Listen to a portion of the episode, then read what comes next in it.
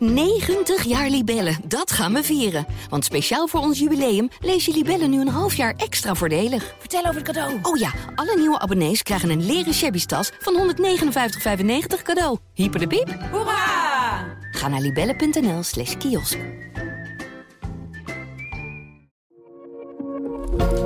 Goedemiddag. De Volkskrant praat je in 5 minuten bij met het nieuws van donderdag 2 september. De gezondheidssituatie rond de fabriek van Tata Steel in IJmuiden is de afgelopen twee jaar alleen maar slechter geworden. De maatregelen die het bedrijf heeft genomen, hebben dat niet kunnen tegengaan. In stof dat in dorpen rond de fabriek is aangetroffen, is de concentratie van schadelijke stoffen en zware metalen, zoals lood, veel hoger dan in 2019.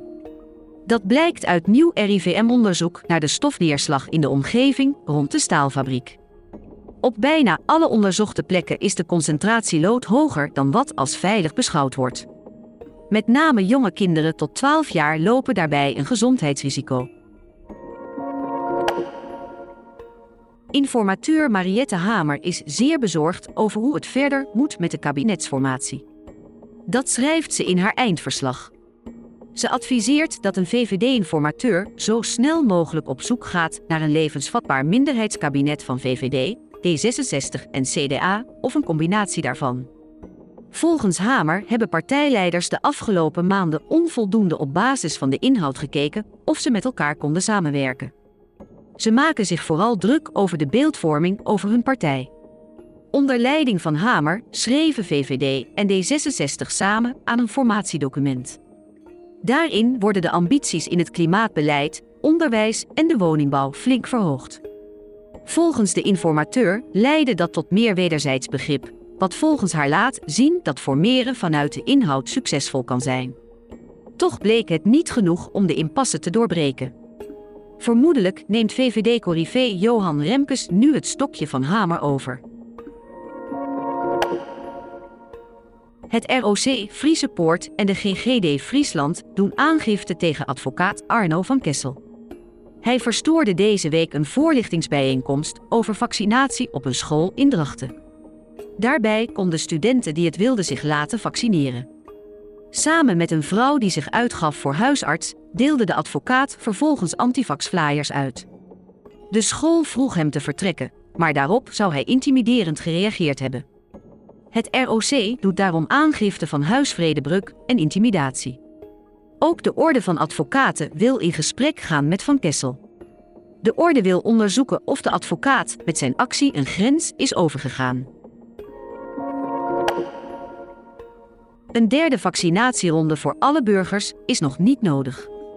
Alleen mensen bij wie het gewone coronavaccin niet aanslaat, zoals transplantatiepatiënten die afweerremmers slikken, zouden baat kunnen hebben bij een extra boosterprik. Dat adviseert het Europees Geneesmiddelenbureau EMA na weging van de vakliteratuur. Landen kunnen beter eerst inzetten op het volledig vaccineren van mensen die pas één prik hebben gehad. In ons land zijn dat anderhalf miljoen mensen.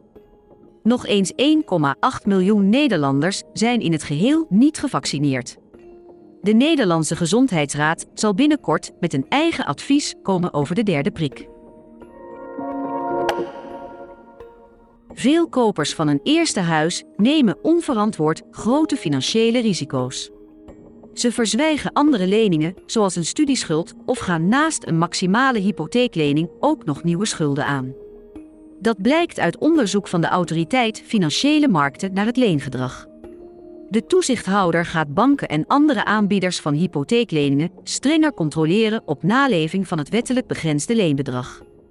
Door de sterk opgelopen woningprijzen worden jonge kopers volgens de AFM geprikkeld om de randen op te zoeken van het financieel haalbare. Dit was het nieuws in 5 minuten van de Volkskrant.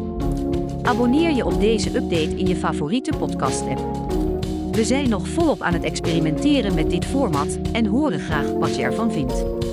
Opmerkingen en reacties zijn welkom op innovatieapenstaartjevolkskrant.nl. Tot morgen.